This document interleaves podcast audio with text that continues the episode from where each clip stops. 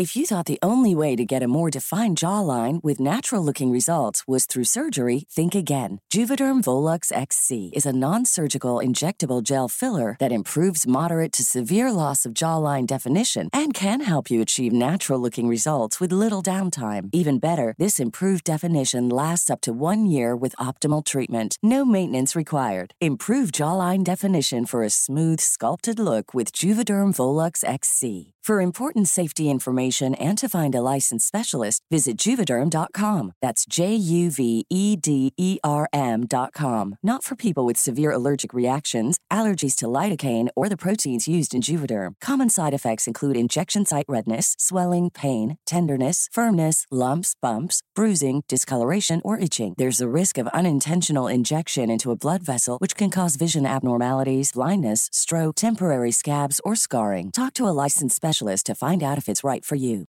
Do you love anime, gaming, movies, and discovering how your favorite pop culture affects everything you do?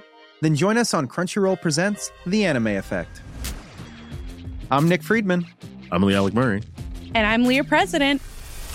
Every week, you can listen in while we break down the latest pop culture news and dish on what new releases we can't get enough of. Whether you love movies, I'm going to tell you all about the uh, hopeful 4K re release of Tron Legacy that happens.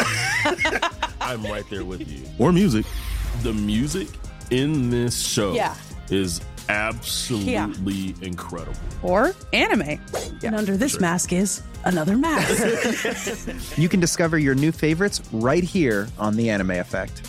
Listen every Friday wherever you get your podcast and watch full video episodes on Crunchyroll or on the Crunchyroll YouTube channel.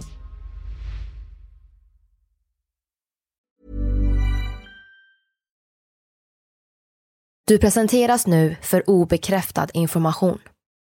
I avsnittet får du höra om konspirationsteorier och varför vissa människor tror på dessa. Var därför kritisk till materialet som bygger på fiktion, åsikter och vinklad fakta. Podcasten kan inte ses som en trovärdig källa. Without any communication or warning, Pan Am Flight 914 disappeared from the radar screens. Authorities determined that the plane must have crashed into the sea, leaving no trace behind. Many people argue that the plane went through a wormhole that broke the laws of time and space. Others believe the plane was kidnapped by aliens.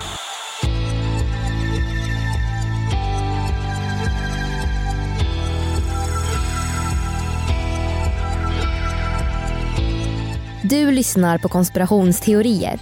En podcast med mig, Vivi. och mig, Aida. Och det här är en annan sida av historien om Pan Am flyg 914 som försvann i 37 år.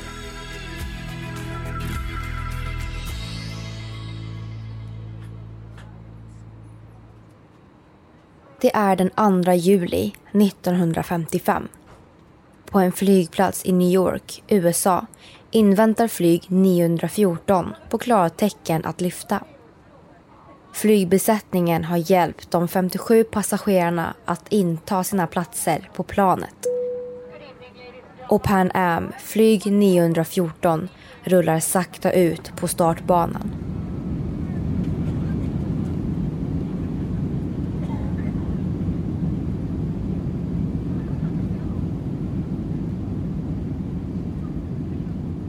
Piloten ökar farten och luften fångas upp under vingarna. Starten går smidigt och flygplanet tar sig smidigt fram i luften. De ska flyga från New York längs USAs östra kust och om ungefär åtta timmar kommer de landa i varma Miami i Florida. Under planet bildar molnen ett vitt täcke över det blå havet. Det är Atlanten. Till vänster, ute i det blå djupet, ligger ögruppen Bermuda. Ett paradis med stränder att drömma om. Timmarna flyger förbi, bokstavligen talat.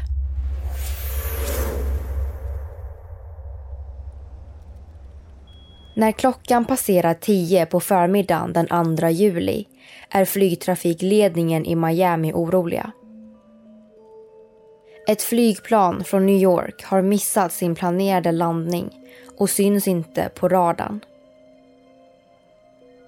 Pan Am flyg 914 har försvunnit. Timmarna går och när sökinsatser misslyckas att hitta planet och dess passagerare börjar många tappa hoppet. 37 år senare, den 21 maj 1992, får mysteriet en vändning. Det försvunna flygplanet är nästan bortglömt när trafikledningen i Miami plötsligt upptäcker något underligt. Ett plan begär att få landa på flygplatsen. Personalen tror knappt sina ögon. Det utdaterade flygplanet framför deras ögon är exakt samma plan med samma besättning och passagerare som lämnade New York och försvann för 37 år sedan. Det låter orimligt när de förvirrade passagerarna påstår att de bara har spenderat några timmar ombord. Men det visar sig vara sant. För ingen ombord har åldrats en dag sedan 1955. Hur kunde en planerad flygning på omkring 8 timmar ta 37 år? Det ska vi prata om idag när vi ska diskutera en konspirationsteori om det tidsresande flygplanet Pan Am 914.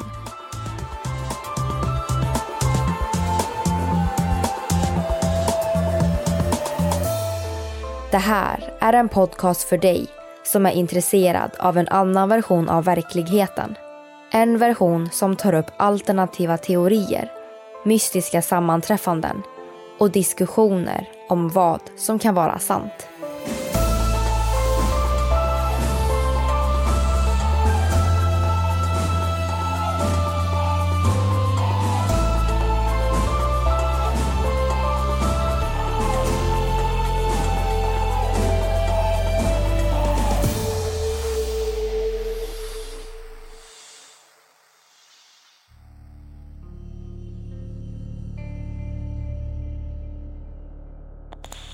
När flyg 914 skulle förbereda för landning inledde piloten en dialog med flygtrafikledaren Juan de la Corte som precis upptäckt planet på flygradarn. Via radion frågade Juan de la Corte om planet kraschat eller misslyckats att kontakta någon. Piloten chockerades av frågorna och svarade nonchalant. Vi är Pan American Airways flyg 914 från New York till Miami med en flygbesättning på fyra personer och 57 passagerare. Vi har en beräknad landning i Miami klockan 9.55 den 1 juli 1955. Flygtrafikledaren tappade hakan. Piloten märkte av den underliga stämningen och undrade. Var är vi? Miamis flygplats visste mycket väl att de snart skulle ankomma. Men planet var inte i närheten av Miami. De var inte ens i USAs luftrum. De befann sig i Caracas i Venezuela i norra Sydamerika. Omkring 1800 kilometer fel. Men destinationen var inte det enda som var konstigt. Genom flygplanets fönster kunde passagerarna se ett främmande landskap. De moderna byggnaderna passade inte in i det 50-tal som de alla så väl kände igen.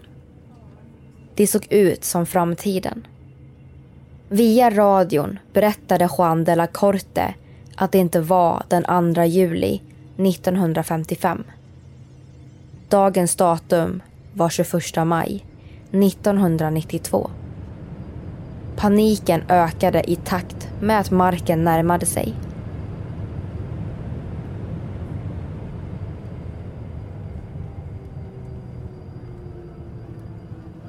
När hjulen slog i marken var det kaos inne i planet.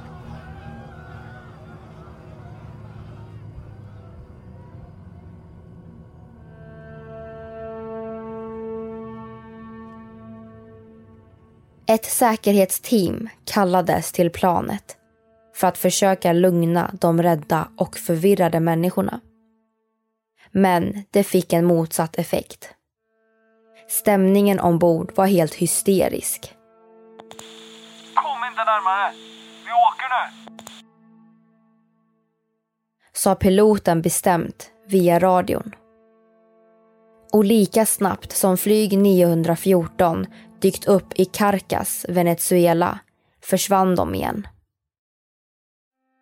Det enda som lämnades kvar var en kalender från 1955 som föll ur planet. Juan de la Corte och hans kollegor försökte desperat att hitta dem igen. Tre sökplan lämnade Venezuelas flygplats men flyg 914 var borta. Några timmar senare dök flygplanet upp på radarn igen och begärde att få landa på flygplatsen i Miami i Florida. Flygtrafikledningen var lika mållös som i Venezuela. På planet var rädslan och hysterin borta. Passagerarna var glada att de äntligen var framme i Miami. Och när de öppnade flygplanets dörrar för att gå av möttes de av Floridas bekanta värme. Men precis som i Caracas var landskapet helt främmande. Glädjen försvann och ersattes med panik.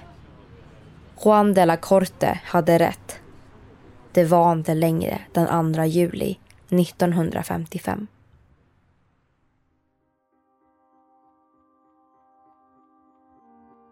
Har ni kraschat någonstans? Har ni stannat och fyllt på bränsle? Var har ni varit? På flygplatsen försökte personalen få svar på alla frågor de haft sedan 1955. Besättningen och passagerarna fick veta att deras flyg försvann från radarn kort efter starten i New York den 2 juli 1955. När de inte dök upp på Miamis flygplats skickades sökinsatser ut, men utan resultat. I många år har världen trott att planet var borta för alltid.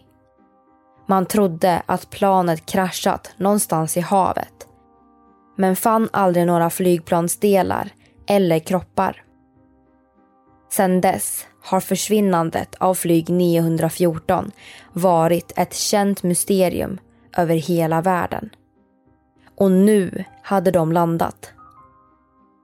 För besättningen och passagerarna lät historien helt absurd. Var hade deras flyg varit i alla dessa år? Var hade de varit? Hur hade detta hänt utan att de märkte av det? Efter några timmars förhör fick de åka hem och återförenas med sina nära och kära. Men den glädjande överraskningen blev en chock. För alla från planet såg exakt ut som de gjorde år 1955 medan deras familjer var 37 år äldre.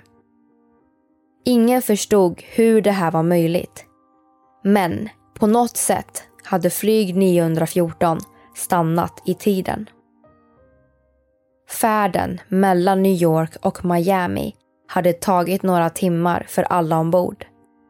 Men för resten av världen hade det gått 37 år. Men har det här hänt på riktigt? Om den här historien är sann så innebär ju det att vi faktiskt kan färdas genom tidsrymden. Det skulle betyda att tidsresor är möjligt och redan har inträffat här på jorden. Men är tidsresor verkligen möjligt? Vi vet att tid och rum påverkas av rörelse. Och om man rör sig tillräckligt fort kommer tiden att gå långsammare. Men för att resa i tiden behöver man komma så nära ljusets hastighet som möjligt.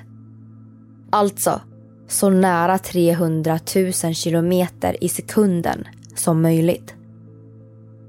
Det finns alltså forskning som stödjer att tidsresor rent teoretiskt skulle vara möjligt. Men att vi i praktiken inte kan genomföra den. Även om Pan Am flight 914 tog sig fram mellan New York och Miami relativt snabbt år 1955 så var det inte i närheten av ljusets hastighet. Betyder det att berättelsen om det tidsresande flygplanet som spårlöst försvann och dök upp 37 år senare bara är en påhittad historia? Kanske. Men det kan också vara en händelse som bevisar att maskhål inte bara existerar i rymden. Enligt Einsteins allmänna relativitetsteori kan rumtiden vara krökt. Vilket betyder att man kan ta genvägar från en del av universum till ett annat. Och även från en tid till en annan. Genvägen kallas för maskhål. Rent teoretiskt skulle ett maskhål på jorden kunna fungera som en slags portal mellan olika tider, som en slags tidsmaskin. Så frågan är om flyg 914 kanske åkte in i ett maskhål och färdades genom både tid och rum. Från 1955 till 1992. Från närheten av Miami till Venezuela.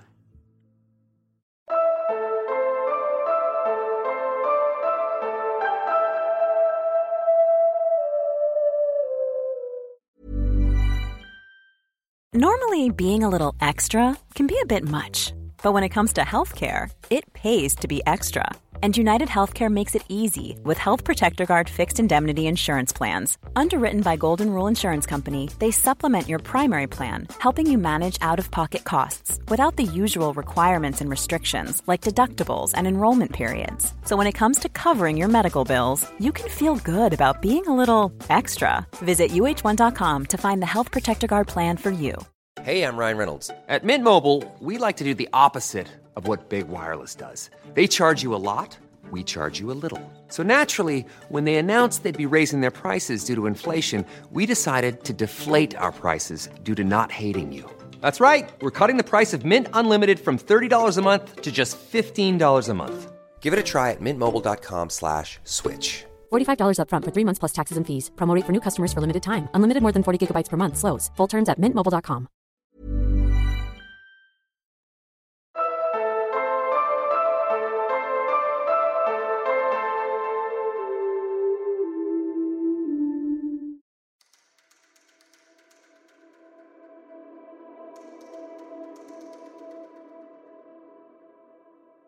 Det intressanta är att planet försvann över Atlanten och specifikt över den del som är känt som Atlantens kyrkogård. Atlantens kyrkogård var ett farligt, mystiskt vatten där fartyg sjönk och flygplan kraschade utan förklaring. Området ser ut som en triangel som sträcker sig från ögruppen Bermuda till Puerto Rico och slutligen med sista hörnet mot Florida. Triangeln slukade alldeles för många liv. Men varför var havet så oroligt just där? Dödens triangel har gett upphov till många teorier. Om allt från den försvunna kontinenten Atlantis, utomjordiska varelser och hemliga baser. Så frågan är om flyg 914 kanske försvann på grund av Bermuda-triangelns krafter. Stötte flygplanet ihop med någon utomjordisk kraft inom triangeln togs de till en hemlig bas.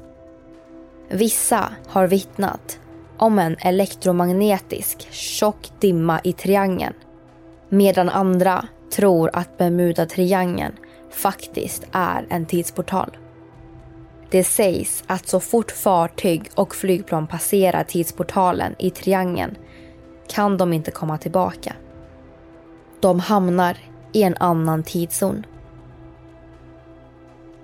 Var det det som hände flyg 914? Var det därför de helt plötsligt befann sig i Venezuela 37 år fram i tiden?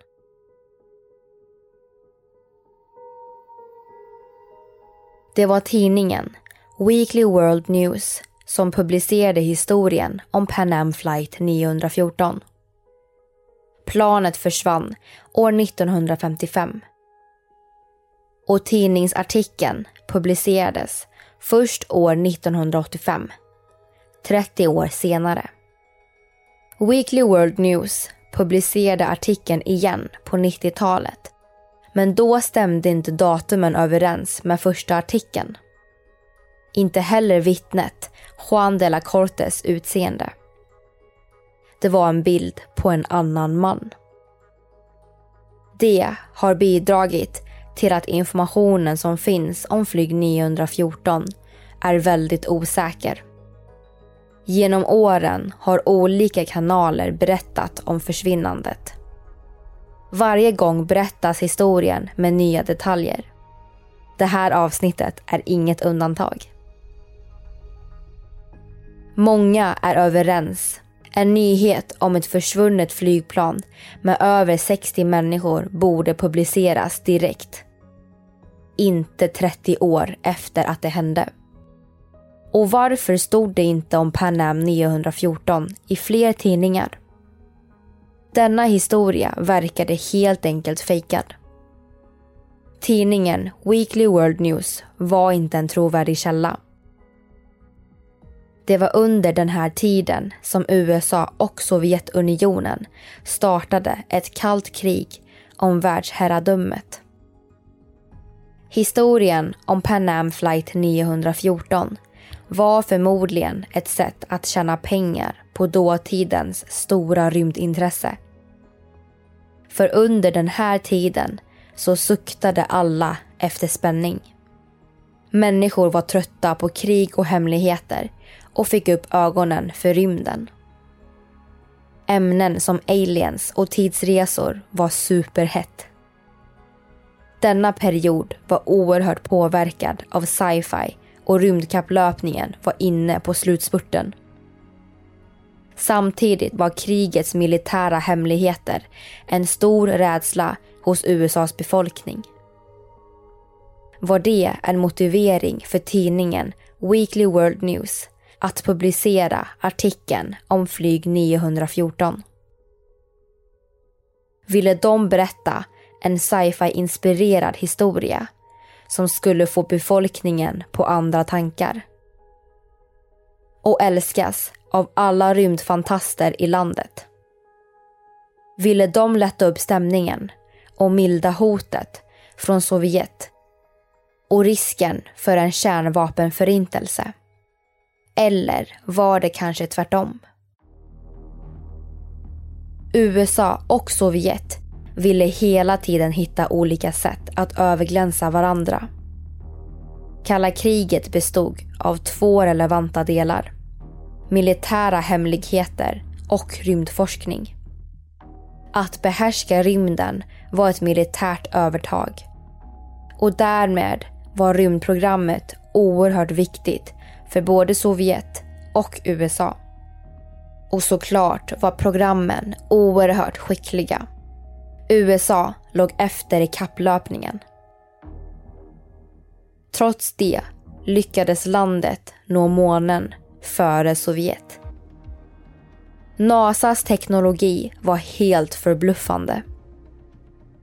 Och kanske var NASAs månlandning inte det enda som den amerikanska regeringen lyckades med under kalla kriget.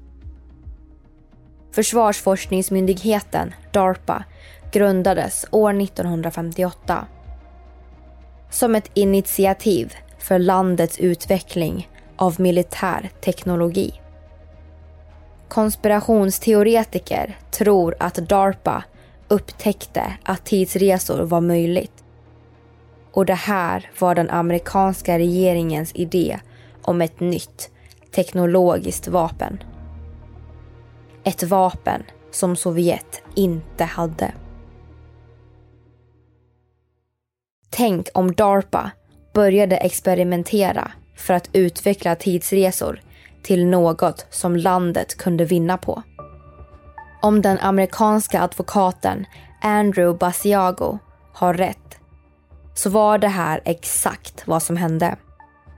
Han har påstått att CIA, DARPA och regeringen försökte skapa en tidsmaskin genom att studera effekterna av tidsresor och teleportering.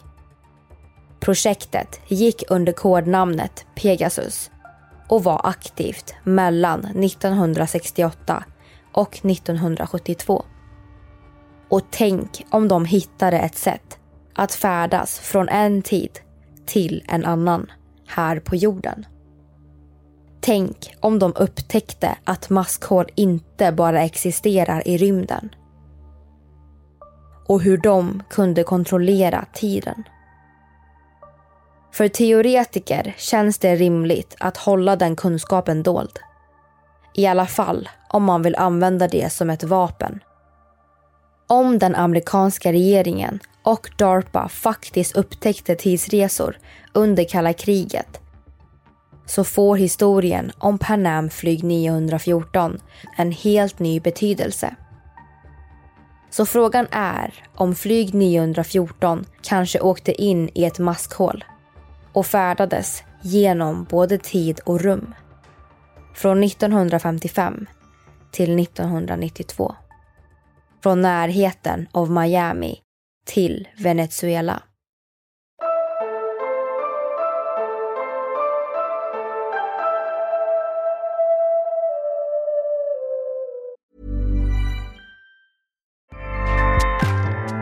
ACAST powers the world's best podcasts. Here's a show that we recommend. Hi, I'm Una Chaplin, and I'm the host of a new podcast called Hollywood Exiles. It tells the story of how my grandfather, Charlie Chaplin, and many others were caught up in a campaign to root out communism in Hollywood. It's a story of glamour and scandal and political intrigue and a battle for the soul of a nation. Hollywood Exiles from CBC Podcasts and the BBC World Service. Find it wherever you get your podcasts. ACAST helps creators launch, grow, and monetize their podcasts everywhere. ACAST.com.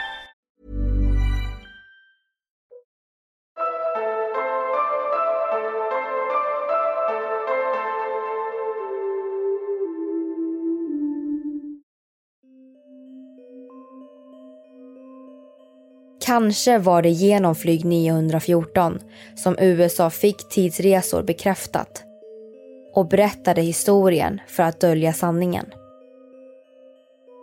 Den amerikanska regeringen kunde kanske inte låta människor få veta att tidsresor var möjligt.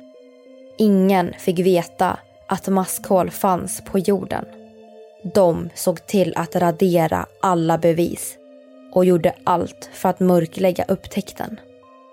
Och det är där som tidningen Weekly World News kommer in i bilden. För att vara på den säkra sidan så såg USAs regering till att en tidning publicerade en nyhetsartikel om händelsen. Men först 30 år senare, med oklara datum och vaga detaljer. En artikel utan trovärdighet som fick ännu mindre trovärdighet när den publicerades igen på 90-talet. De hittade kanske på vittnet Juan de la Corte och detaljen om kalendern från 1955 som lämnades kvar på flygplatsen i Venezuela. För dessa saker låter ju helt galna. USA såg till att göra flyg 914 till en myt. De såg till att skapa en sci-fi inspirerad historia som skulle få befolkningen på andra tankar och älskas av alla rymdfantaster i landet.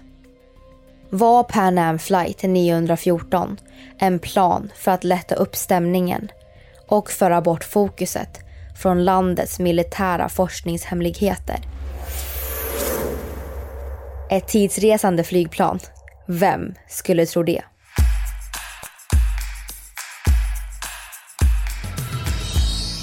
Hej allihopa och välkomna till en ny diskussion. Mitt namn är Vivi. Och mitt namn är Aida. Och ni lyssnar på konspirationsteorier. På avsnittet om Pan Am 914 kring vad som har hänt. Och svaret är ju då tidsresor. Det här avsnittet var då ett avsnitt som var önskat av flera lyssnare som har skrivit till oss på Instagram och några av dem är bland annat Emilia och Ebba. Så tack så jättemycket för att ni alla har skrivit. Men låt oss nu hoppa in i det här med tidsresor. Det första vi tänkte ta upp nu i diskussionen, det är om Nikola Tesla. Som ni säkert vet så var han en uppfinnare inom elektricitet. Och eh, många tror också att han lyckades uppfinna en tidsmaskin eller någon maskin med tidsresor och teleportering. Så frågan är ju då om hans då maskin användes för eh, att eh, ja, men Panam 914 försvann och dök upp senare. Det som är väldigt intressant här är ju att teorin säger ju att regeringen faktiskt tog den här maskinen från honom och håller den gömd någonstans. Och en grej som vi kan prata om när det gäller Tesla och tidsresor och som många faktiskt ser som ett slags bevis för att det här med tidsresor faktiskt finns på riktigt. Det är något som heter Philadelphia-experimentet som vi lite kort kan berätta om. Det är även känt som Project Rainbow. Och nu läser jag lite här från nätet. Experimentet det handlade då om att man ville göra ett fartyg osynligt. Och mycket talar för att det här är en skröna och att det inte har hänt på riktigt.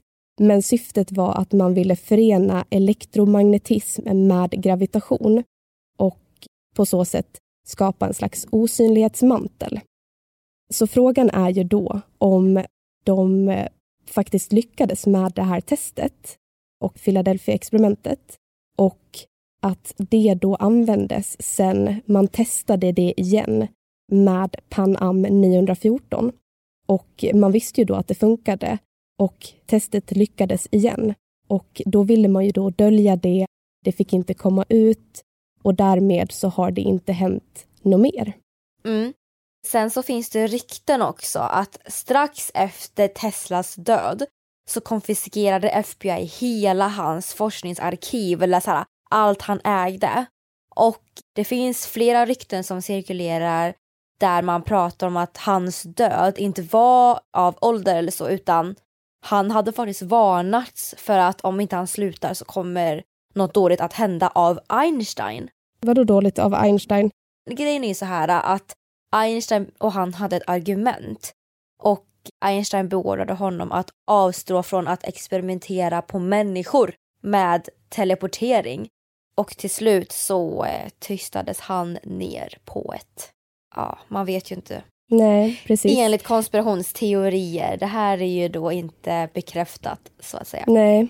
Om det var så så skulle det också innebära att Andrew Basiago som påstod att han också var med i ett projekt under kodnamnet Pegasus.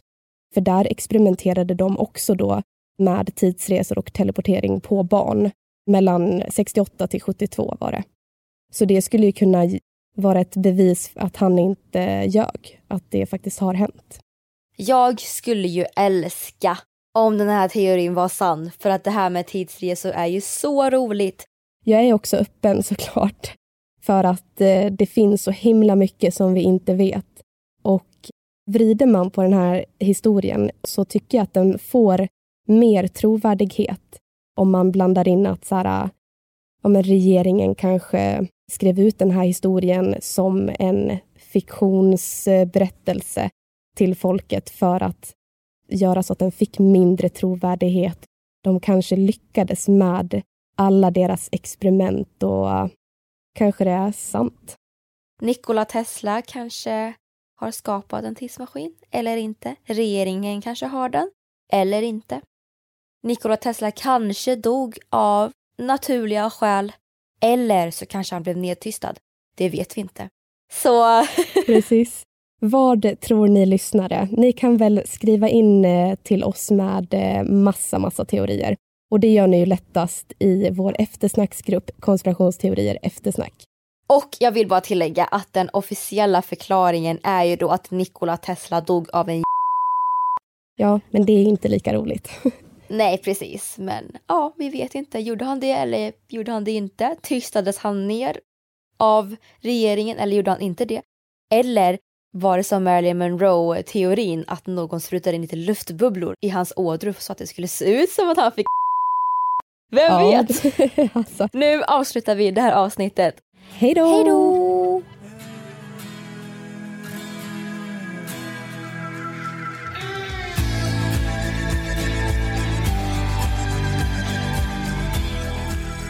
Du har lyssnat på podden Konspirationsteorier som gjordes under hösten 2020.